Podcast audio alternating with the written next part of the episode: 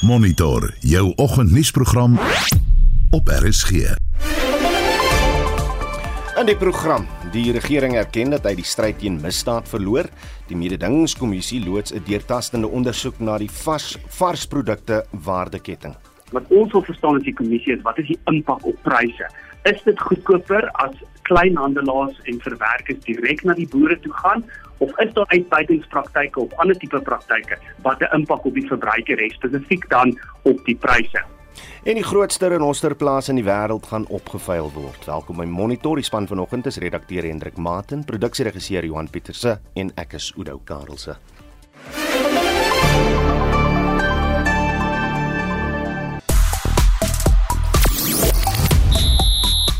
Goeiemôre Suid-Afrika.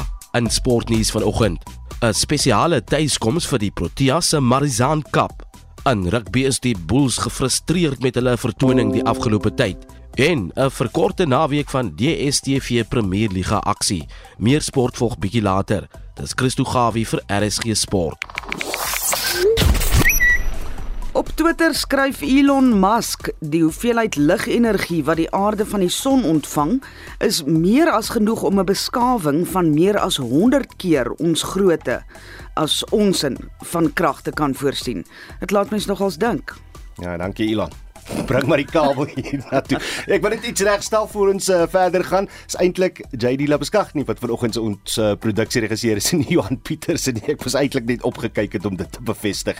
Nou waaroor praat ons vanoggend? Wel president Cyril Ramaphosa het parlementslede die versekering versekering gegee dat die nasionale elektrisiteitsramptoestand bedoel is om rompslomp uit die weg te ruim sodat Eskom se probleme met byvoorbeeld die verskaffingsketting vinnig opgelos kan word. Nou die idee van 'n ramptoestand het baie Suid-Afrikaners soms tong in die kies laat wonder watter soort regulasies dit sal behels. Dit kan nie weer net maskers wees nie. Uh dalk uh, 'n brandstofransonering, die nasionalisering van steenkoolvoorrade, die opstel van uh kragverskaffing aan die privaat sektor, 'n algehele verbod op drankhandel of belastingstoegewings. Laat ons weet watter idees jy in die armbeers kan gooi ten opsigte van hierdie nasionale ramptoestand as gevolg van ons elektrisiteitskrisis. Stuur 'n SMS na 45889 teen R1.50 per boodskap. Jy kan saampraat op ons Facebookblad. Jy kan ook vir ons 'n stemnota stuur op WhatsApp na 0765366961. Dis 11 minute oor 6. Die parlement se artikel 194 komitee het gister geëindig sonder dat 'n steek werk soos uiteengesit deur die daaglikse agenda gedoen is nie. Dit is omdat daar 'n twis tussen die komitee en Bosisiwe Mkhwebane se regspan was oor 'n omstrede brief en of die waarheid in 'n verklaring deur die getuie van die dag korrek weergegee is. Die komitee ondersoek die geskiktheid van die geskorste openbare beskermer om haar amp te beklee. Op die agenda was die getuienis van 'n senior ondersoeker in die kantoor van die OB, Bianca Mbuyana, wat veronderstel was om te verskyn. Celine Merrington doen verslag. Die vergadering het afgeskop met die regspan van Mqobane wat 'n brief van die komitee aan haar gerig wou bespreek. Sy sê die brief wat handel oor onlangse probleme rondom die betaling van 'n regspan is glo vol onwaarhede. The letter is very distorted, insulting and it's very concerning.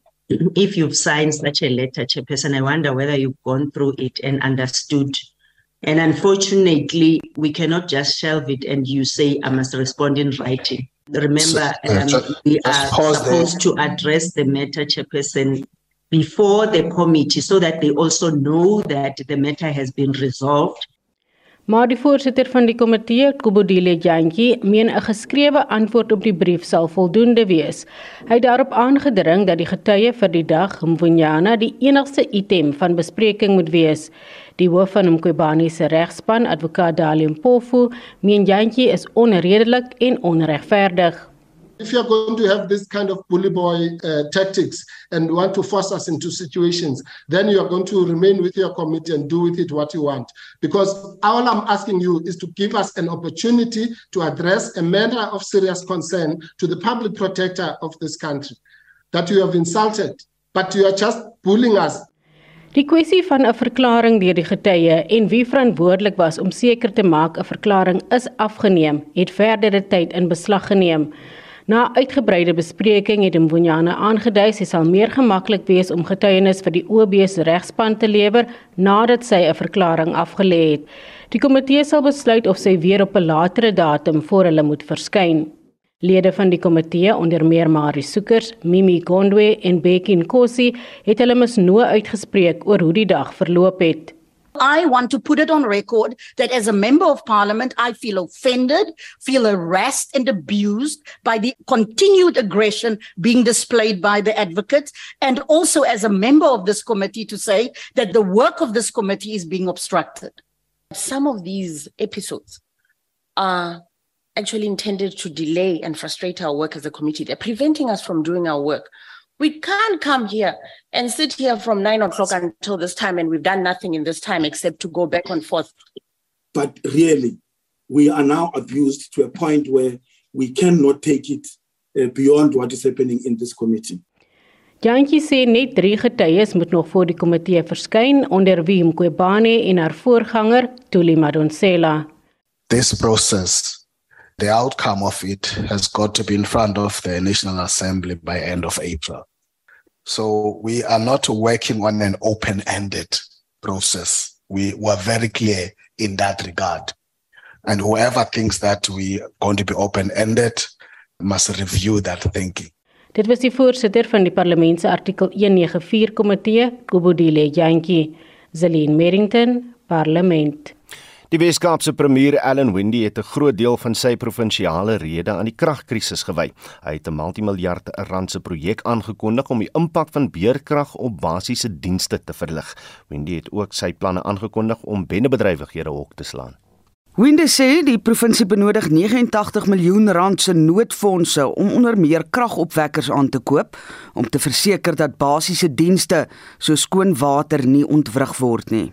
Speaker, that budget that I've requested, this is proposed to cover initial expenditure to make sure that we keep government services running while load shedding is happening. To make sure that we secure extra diesel to look after our power plants. We don't want to have a power failure when one of our citizens are in an ICU or perhaps on an operating theatre, anywhere where essential services are being delivered to the citizens of this province. We also want to be able to help buffer schools from load shedding. Our children's education must come first. We will also be asking for funding to provide poorer households with what I call power packs. Die provinsie sal ook daarop fokus om sy hulpbronne in groen energiemoontlikhede te belê. Winde sê met sy strategie om werksgeleenthede te skep en uit te brei, sal die provinsie 'n gunstige klimaat vir ekonomiese groei skep. This comprehensive ambitious goal for the Western Cape is to grow the provincial economy between 4 and 6% by 2020 by 2035. The goal is to fuel and stimulate economic growth so that we achieve or we become a 1 trillion rand provincial GDP economy by 2035. This would require an annual growth rate of 3.8%, and it would also need or would translate into in excess of another 600,000 jobs.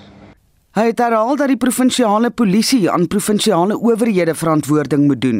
Winde sê Suid-Afrikaanse kenners, kenners van die Europese Unie en vanaf Suid-Amerika sal kragte saamspan om bendebedrywighede hok te slaan. The report that this team will put together will not be just for me. It will be for the president, the national minister and the national commissioner because we have to deal with this problem. We cannot we cannot have gangs involved in policing. What I'm also going to do is this province, in order to make sure that the top table, the generals, the top brass that sits alongside General Patakile, what this province is going to do is we are going to fund lifestyle audits for the top brass in this province.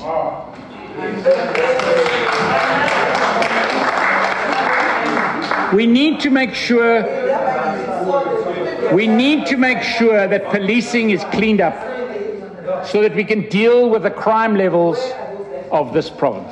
Ferlin Christians van die ACDP en Moses Klaas van die EFF het hul bekommernisse met die provinsiale rede uitgelig. We know the taxi violence he didn't address with scholars now being infected to get to, to school. So that is a big, big problem that he didn't address. Because there's a lot of gangsters, they know there's a lot of drug dealers. I would like him to give us a plan how to resolve that. They know very well there is no jobs. Only what they want, they want private sectors to continue, but they know very well that private jobs are just for a few time. Die provinsiale rede sal Vrydag gedebatteer word. Die verslag is saamgestel deur Mariska Botha in Kaapstad en ek is Marlies Skeepers vir SAK nuus. Vir reaksie op Wendy se toespraak praat ons nou met die leier van die ANC in die Wes-Kaapse wetgewer Cameron Dagmore. Cameron, goeiemôre.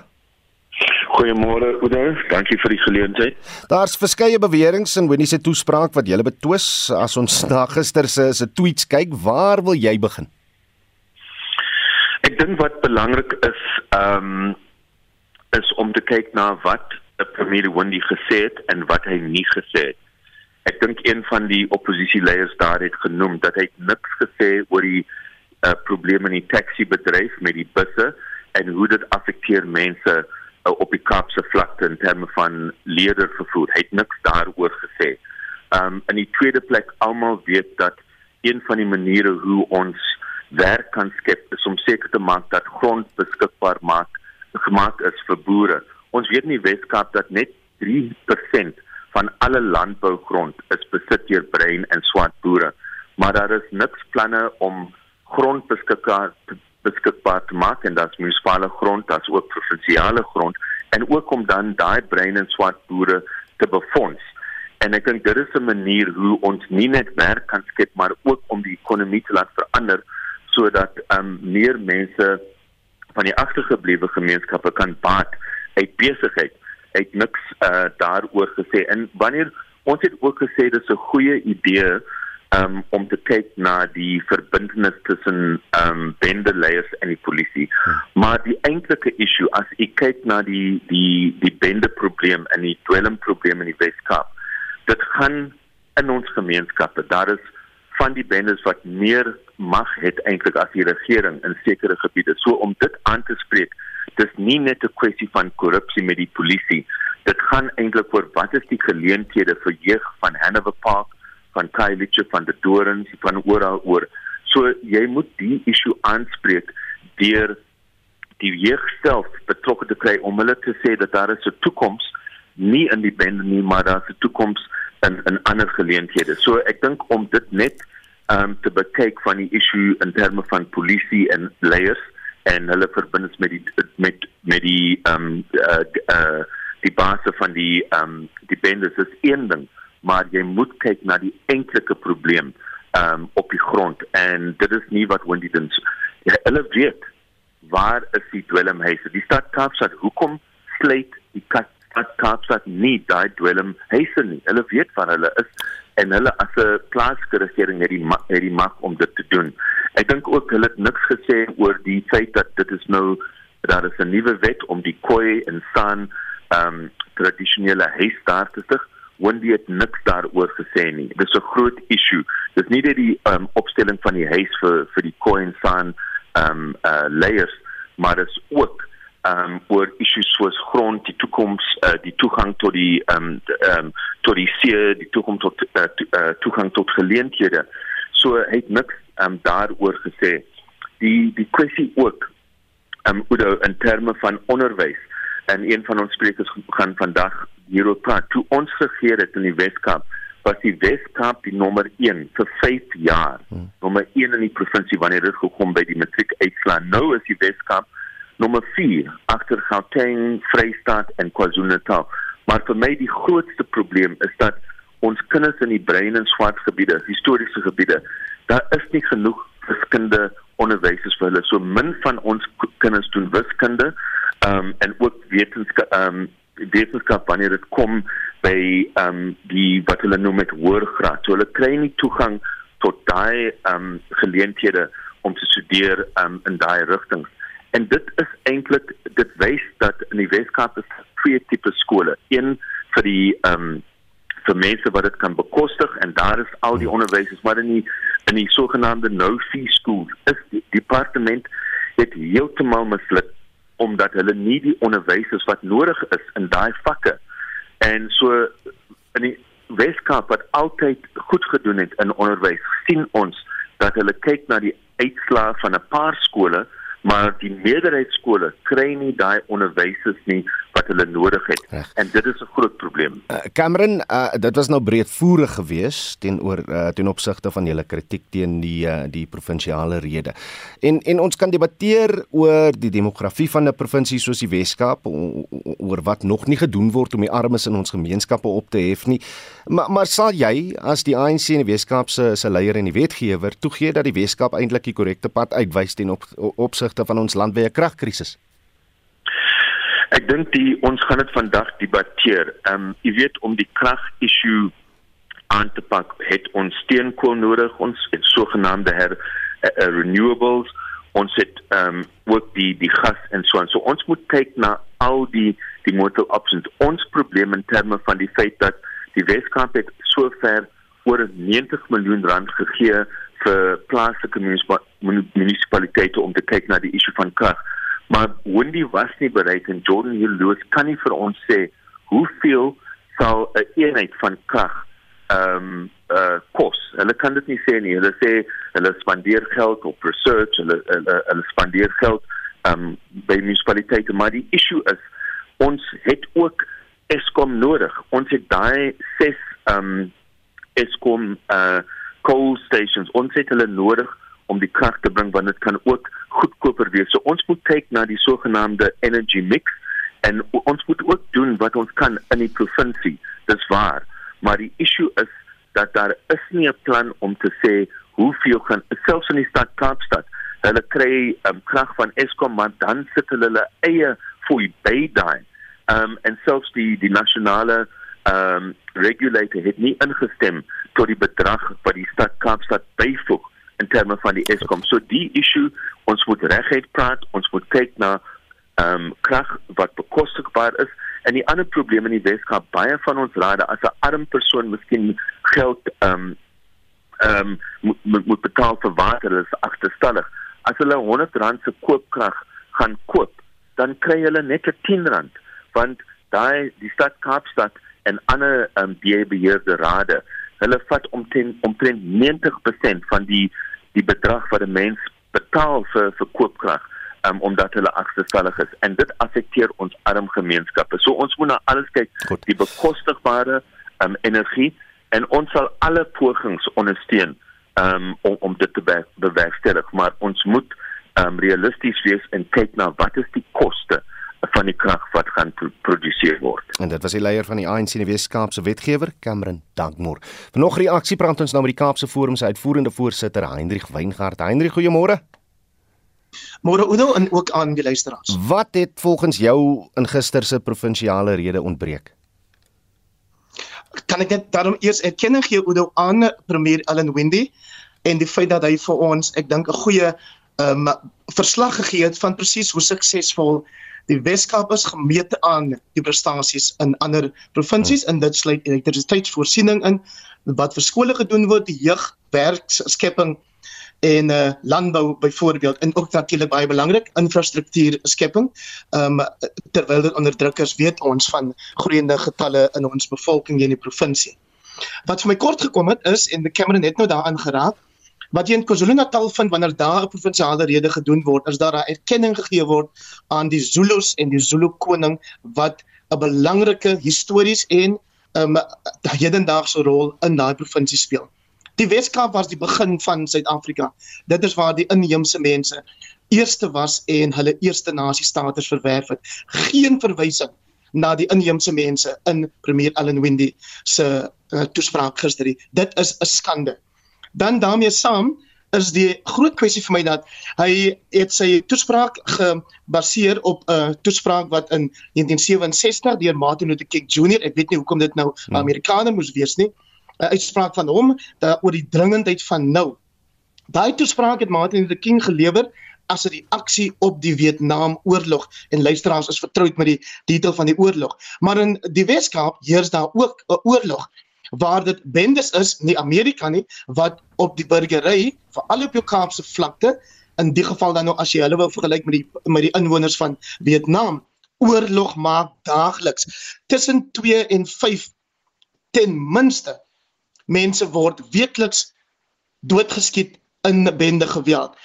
Die premier kon homself nie so ver kry om enige van hy slagoffers se name te noem nie en om dit in soveel woorde uit te spel nie. Hy het net gesê if people are too afraid to leave their homes to go to work and school, how can we expect progress? Die belangrike ding is kinders kan nie uit die huis uit gaan om te gaan speel nie. Hulle kan nie uit die huis uit gaan om skool by te woon nie en hy het geen verwysing daarna gemaak nie.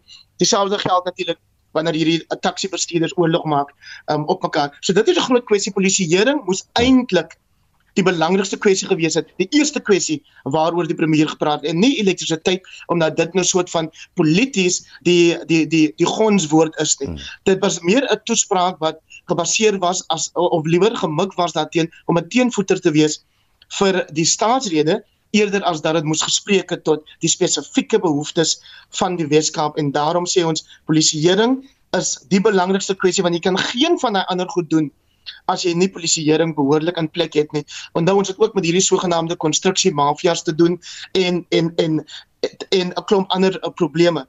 Ehm um, so dis hoekom Kaapse Forum steeds voel ons moet Goed. verseker dat die inwoners van die Weskaap siggenskap kry in die bestuur van polisieeringsmagte en ons gaan daai kwessie in die komende week na die howe neem omdat ons ook nie van premier Allan Wendy die nodige samewerking kry wat die kwessie aanbetref nie. Dit was die Kaapse Forum se uitvoerende voorsitter, Hendrik Weingart. Die mededingingskommissie het sy finale raamwerke vir die produsente markondersoeke vrygestel. Die doelwit is om vertragings, beperkings en verwringings in die waardeketting van die varsprodukte markte identifiseer wat mededinging kortwiek. Die tegniese direkteur van die ondersoek, Roan Maree, gee meer besonderhede oor die doel daarvan. 'n markondersoek is natuurlik anders as 'n gewone ondersoek. 'n Markondersoek is waar die kommissie daai tree terugstap en dan 'n breër oogblik sit op die mark. Dit is waar ons nie die optrede van 'n spesifieke firma in gedagte het nie, maar dat die mark kyk as 'n geheel. En dan is daar drie redes hoekom die kommissie spesifiek besluit het op die varsprodukte mark. Die kommissie is al sedert ongeveer 2008 bemoeid met spesifiek die voedsel, landbou en landbouverwerkingssektore. Wat die kommissie in gedagte het is dat die sektor hou 'n direkte verband met aspekte soos werkskepping, voedselprodusering, voedselsekerheid, daardie drie wat uh, direk verband hou met die welvaart van enige bevolking. En dan spesifiek wat die kommissie in die verlede ervaar het met hierdie mark, deels van ons eie navorsing, maar ook deur klagtes wat die republiek gelê is, is daar sekere probleme wat in hierdie waardeketting ontstaan. Die eerste was die ondersoek in die konsentrasievlakke, die varsprodukte sektor as deel van die Beier landbou sektor wat vreeslike hoë vlakke van konsentrasie het. Baie min mense besit 'n baie groot gedeelte van die sektor. Dit beteken die verbruikers se insette is nie hiervan belang nie.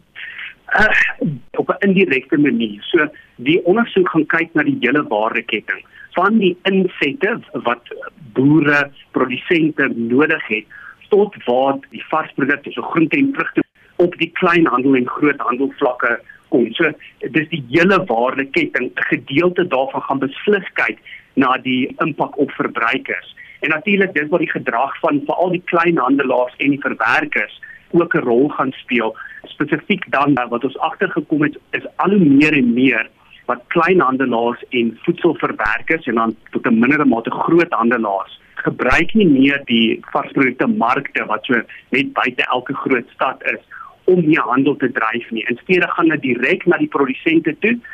Wat ons wil verstaan as die kommissie is, wat is die impak op pryse? Is dit goedkoper as kleinhandelaars en verwerkers direk na die boere toe gaan of is daar uitbuitingspraktyke of ander tipe praktyke wat 'n impak op die verbruiker het spesifiek dan op die pryse?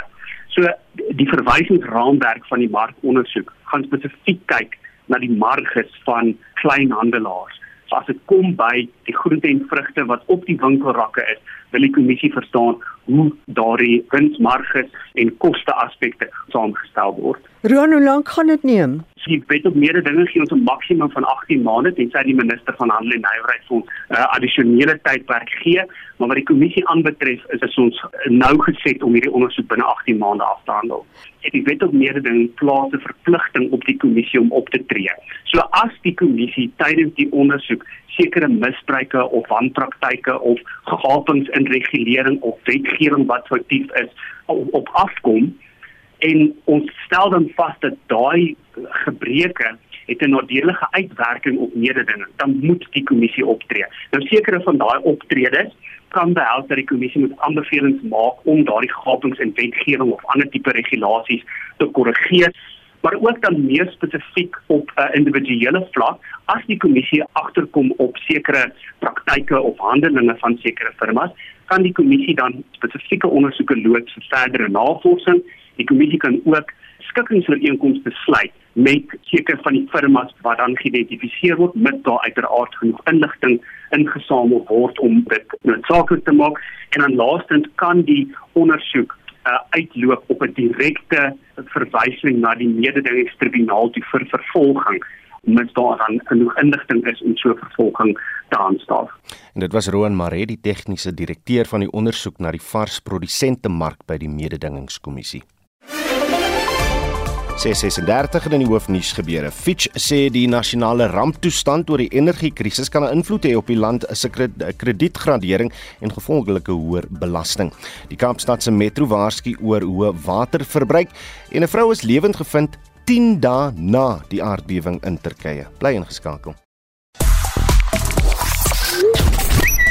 Reg, ons praat vanoggend oor die ramptoestand wat nou uh, afgekondig is of verklaar is deur uh, die die regering, maar wat die regulasie sou behels as dit van julle afhang want ons weet nou nog steeds nie wat dit gaan behels nie. Nou op uh, ons Facebook bladsy, kom ons kyk wat sê van die luisteraars vanoggend. Ehm um, Jerome Weingart sê hy vat ons almal vir 'n ride met al sy ligtery.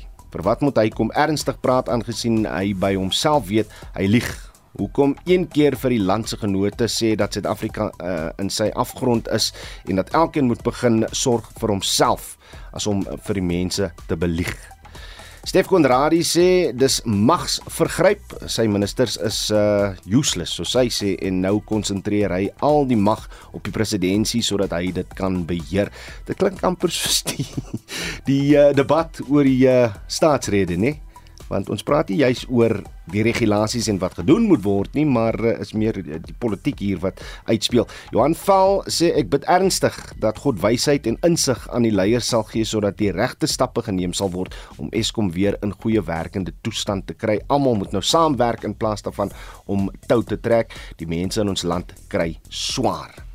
So jy kan gerus vir ons 'n SMS stuur na 4588919 R50 per boodskap. Jy kan saampraat op ons Facebook bladsy of jy kan vir ons 'n stemnota stuur op uh, WhatsApp. Dis nou op die nommer 076 536 6961. Christo Gawi, slaggereed nou met die jongste sportnuus. Môre Christo. Goeiemôre Oudo, goeiemôre luisteraars. Wie ek voel al hoe meer dat ons maar net die die vroue wêreldbeker trofee aan Australië kan oorhandig en dan kan ons maar die res van die wedstryde net vir spek en boontjie speel maar hulle was fantasties gister. Môre, môre moet ons dames teen hulle speel. Ja, absoluut. Uh, Udo, ek dink dit is 'n dit is een waarna die Protea vroue uitsien. Hulle sal die wenners hulle wil klop. Nou die veelsidige Protea speler Marizan Kap Sy sal vir die eerste keer voor haar tuiskare speel wanneer Suid-Afrika môre soos ons noem teen uh, Australië môre aand om 7:00 te staan kom. In 'n belangrike vroue T20 wêreldbeker wedstryd in Quebec. Nou die ervare kap het 221 internasionale wedstryde vir Suid-Afrika in alle dele van die land en die wêreld gespeel, maar dit sal haar eerste verskyning op haar tuisveld wees en ook 'n belangrike een in haar loopbaan. Die eense Australiese aanvangskolwers, uh, Beth Mooney en Alyssa Healy, het gister die verdedigende kampioene na oorheersende 10-taakie oorwinning teen Sri Lanka in Quebec geneem Nou dit na Sri Lanka tot 112 vir 8 beperk is toe hulle ingestuur is om eers te kolf in bewolkte weeromstandighede. Moenie met 56 nie uit nie en ook hierdie 54 nie uit nie. Het van die begin af van die Australiese beurt veilig lopies versamel toe die Aussies 113 aanteken sonder enige verlies in minder as 16 bilbeerte. Nou vanmiddag om 3 kom Nieu-Seeland teen die vroue van Bangladesh te staan. Die eerste toets tussen Nieu-Seeland en Engeland het ook gister begin. Die Engelse het 'n vinnige loopie tempo gehad en 325 vir 9 verklaar. Nieu-Seeland was so rukkie gelede op 201 vir die verlies van 7. Die tweede toets tussen Indië en Australië is ook vanoggend aan die beurt met Australië reeds voor die penne wat gekies het om eerste te kolf. Reg, kom ons praat nou 'n bietjie rugby want ons weet wat voor lê die naweek. Ja, die Bulls hulle is bietjie gefrustreerd met hulle vertoning die afgelope tyd. Môre middag net na 5 is dit 'n kans vir hulle om te antwoord op die kritiek van die afgelope tyd. Al is die Stormers se Springbokke nie daar nie, die les wat hulle die Sharks gegee het, maak die Bulls steeds baie paraat vir die manne van Kaapstad. Leinster D steeds heel bo aan die punte leer met 61 punte gevolg deur die Stormers tweede 50 punte en Ulster derde met 43. Die Bulls is nou in vierde plek met 40 punte. Die Lions en die Sharks spak mekaar môre om 3 namiddag. En dan sluit ons af met uh, sokkernuus. Ja, ehm um, hierdie naweek is natuurlik 'n verkorte DStv Premier League aksie wanneer Pirates en Chiefs in die wedloop is om tweede plek terwyl die voorlopers Sundowns en ook Gallants hulle is nie van hierdie naweek in aksie wees nie. Die Buccaneers is die eerste aan die beurt vanaand om 08:30 Maritzburg United in die Orlando Stadion. Uh, Môre middag om 04:30 kom SuperSport United teen Royal Am te staan terwyl seker Kone United en Richards Bay sake om 06:30 uitspook. Sondagmiddag om 06:30 dan meet die Cape Town City en Swallows kragte in die moederstad om die naweek se aksie af te sluit en nog 'n ander sokkernuus Barcelona het gisteraand teruggeveg om 'n gelykop uitslag van 2-1 teen Manchester United te behaal in 'n polsende Europese liga uitklopronde se eerste been. Nou die La Liga voorlopers Barcelona het eers toegeslaan 5 minute na rustyd toe Marcos Alonso met 'n kopskoot die agterkant van die net vind. Juventus en Nantes het ook gelykop gespeel met 1-1. En dan Christo gaan we met die jongste sportnuus. Die president het gister in sy repliek op die staatsrede debat gesê die 2 dae lange debat het eerder gefokus op politieke verskille tussen die partye en is nie toegespits op die beloftes wat hy gemaak het nie. Ons praat nou verder daaroor met Dr. Halen Kloete, navorsingsgenoot van die Departement Openbare Administrasie en Bestuur aan die Universiteit van die Vrystaat. Halen, goeiemôre. Môre Oude en môre aan al die luisteraars. Net so 'n basiese vraag is is dat na die staatsrede, 2 dae van debatte en die repliek is ons nog in die duister oor wat 'n ramptoestand oor die energiekrisis prakties probeer verrig en en ook net tweedens wat ons wel weet van die elektrisiteitsminister lydens ons president gister is dat die persoon Ramaphosa se rol sal uh, volstaan of oorneem op die nasionale energiekrisiskomitee. Ja, ek, ek dink die staatsrede het, het in breë aangekondig die rampstoestand en ek dink die detail gaan nou uitgetrap word uh, soos die president daar gesê het.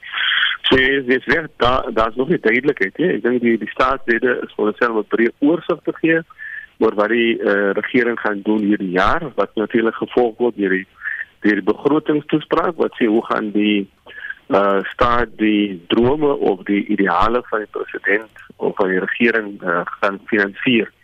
So dit is 'n oorsig en so Suid-Afrikaners moet maar geduldig nog net net wag om nou die detail te hoor. Ja, ons gaan dit daar los haal en Klotex sê vir baie dankie vir jou tyd hier op monitor uh, en hy's natuurlik die navorsingsgenoot van die departement openbare administrasie en bestuur aan die Universiteit van die Vrystaat. Die Universiteit van Johannesburg het sy nuwe elektriese elektriese busse onthul, eerste vir 'n Suid-Afrikaanse universiteit. Die elektriese busse wat by die bestaande vloot gevoeg sal word, het reeds begin om studente tussen verskeie kampusse te vervoer. Professor Letlokwa Mpedi, die fisiekanselier, sê dit het 18 maande geneem om die projek op die been te bring. Winsin Mofokeng het meer besonderhede.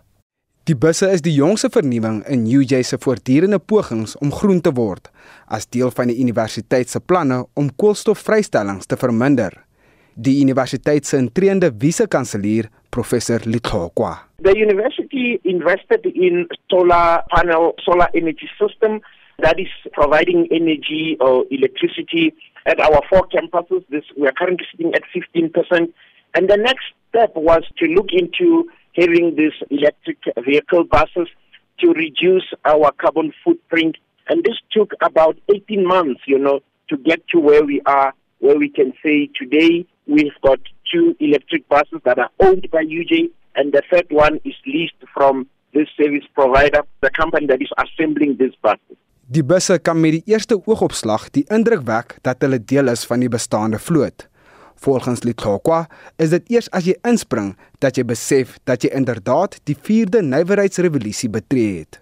I did, and I enjoyed it very much. Last week Friday, the university took the executive leadership group of the university to our informal meeting. It was a short trip. I wished it was a longish trip, but I enjoyed it very much.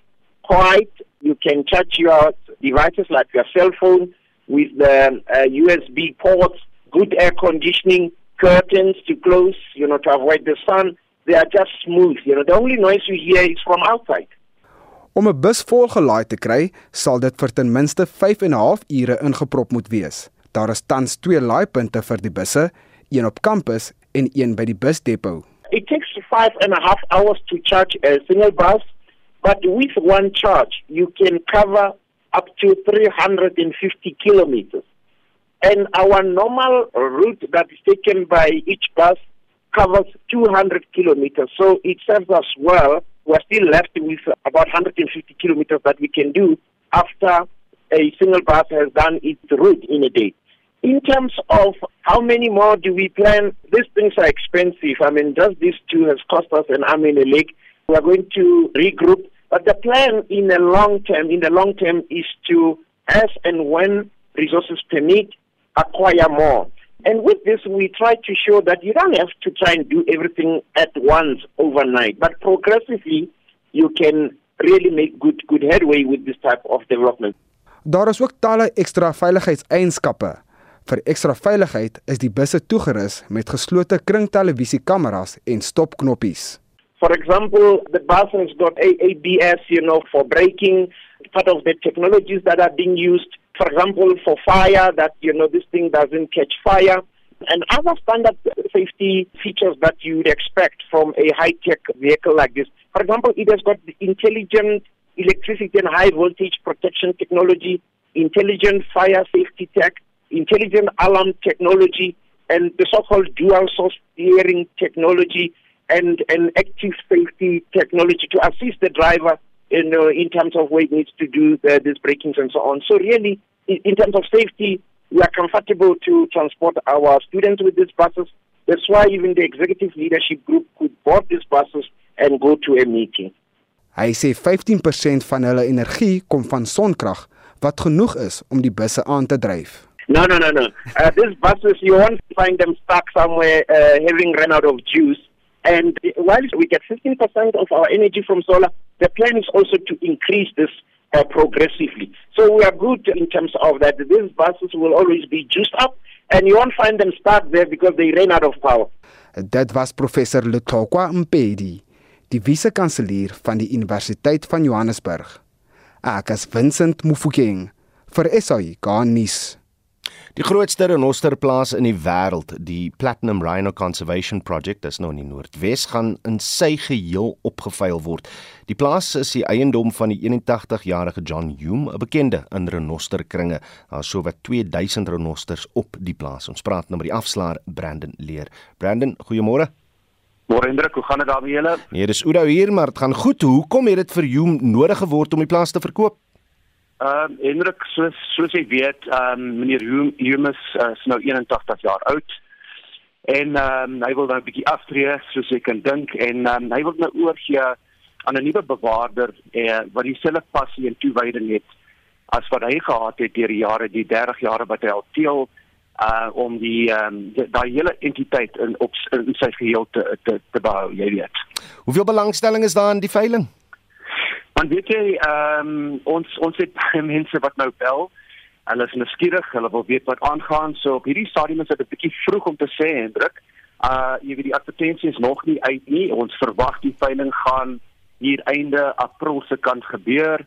So sodra dit uitkom, sal ons uh, dan die mense kry wat gaan uh, hooplik dan um, aanlyn wie vir daai veiling, maar daar is mense van oorsee wat ook belangstel. Is daar 'n reserveprys? Man weet, jy nie, ek meneer jy wil kyk wat wat uh, gaan die hele projek op die ou einde op die veiling dan sal hy uh, dan 'n besluit maak want dit jy weet wat is die waarde van so 'n groot projek? Dis die grootste bewaringsprojek van bitrenossies in die wêreld. Jy weet, so ons sal eers moet sien wat gebeur daar so in Hendrik. En dit was die afslaer Brandon Leer en ek sal beslis jou groete aan Hendrik aanstuur. Tyd vir die jongste wêreld nuus en Annelien Moses sluit by ons aan met 'n fokus uh, daarop. Annelien, uh, goeiemôre. Belarus het uh, sy volgehoue steun aan Rusland bevestig en het weer die weste vir die oorlog in in Oekraïne blameer. Ja, die leier van Belarus, Alexander Lukasjenko, wat nie deur die weste erken word nie, sê hy wil Volodymyr Putin en die Amerikaanse president Joe Biden na die onderhandelingstafel bring. Biden sal Pole volgende week besoek. I'm ready to provide territory again. But I'm also ready to wage war, together with the Russians, from the territory of Belarus, but only if anyone, even one soldier, comes to our land from Ukraine to kill my people. The USA and Western Europe pushed Ukraine into this war. Well, they've got the war they wanted. Dit was die president van Belarus, Alexander Lukasjenko. Op sy beurt sê Volodymyr Zelensky, die president van Oekraïne, hy sal geen grondgebied aan Rusland afstaan nie en dat Belarus 'n historiese fout begaan het deur die Kremlin van op te wees. They're coming from several directions, and we understand it. But we're holding defense. Modern weapons, powerful weapons, when we get them, speed up liberation and peace, because weapons are the only language which Russia understands. Any territorial compromises will only weaken our country. Why? It's not about the word compromise. Why would we be afraid of it? We have a million compromises in our lives. They happen every day. The question is with whom? A compromise with Putin? No, because there's no trust. Dialogue with him? No, because there's no trust. Die stem daarvan Volodymyr Zelensky, die leier van Oekraïne. En meer as 10 dae na die verwoestende aardbewing in Turkye en Sirië word mense nog wonderbaarlik Annelien uit die puin gered. Ja, Udo, dit terwyl die dodetal op meer as 41000 staan. Die Verenigde Nasies is intussen met pogings begin om 1 miljard dollar vir humanitêre hulp vir Turkye in te samel. Moana Amir Taraja van Dokters Sonder Grense verduidelik. To survive long term, so let's say over a week or 10 days or something like that, um, you need mainly access to two things air and water source. So we say people can survive without water intake maybe for about three to five days or so. But I do think there's probably a huge psychological component in the sense that you know if if people have hope and they believe that they will be rescued and that determination probably does play a factor. Was Mohana Ma Amir Taraja van Dokters Sonder Grense. En dit was Annelien Moses met 'n kykie na nuus wat wêreldwyd opslaa maak.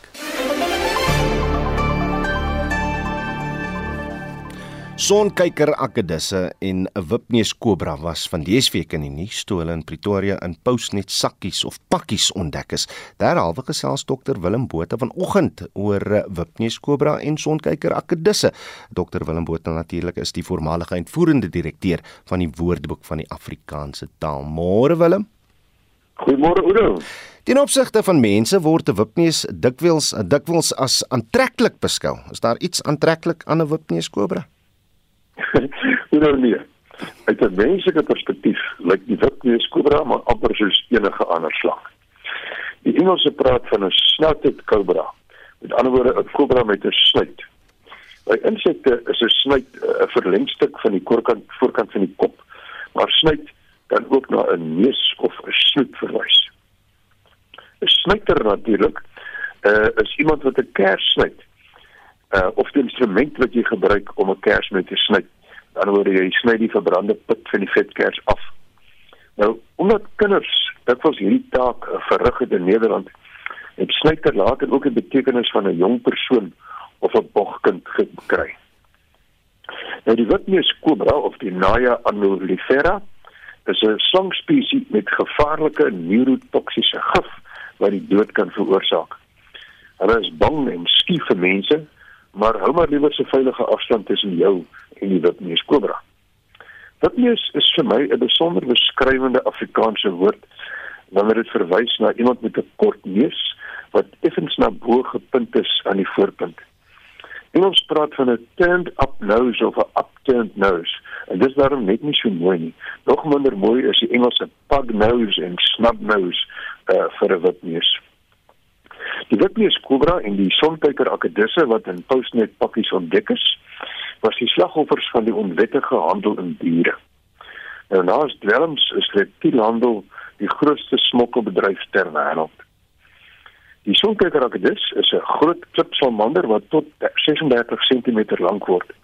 Die akedis kry sy naam waarskynlik van die feit dat dit dikwels vir lang tye bewegingloos in die son sit en wak. 'n Sonkyker is maklik R20000 werd en vir Europeërs wat hulle as troeteldiere wil aanhou, is dit natuurlik klein geld. Mense is gefassineer deur die sonkyker se prehistoriese voorkoms.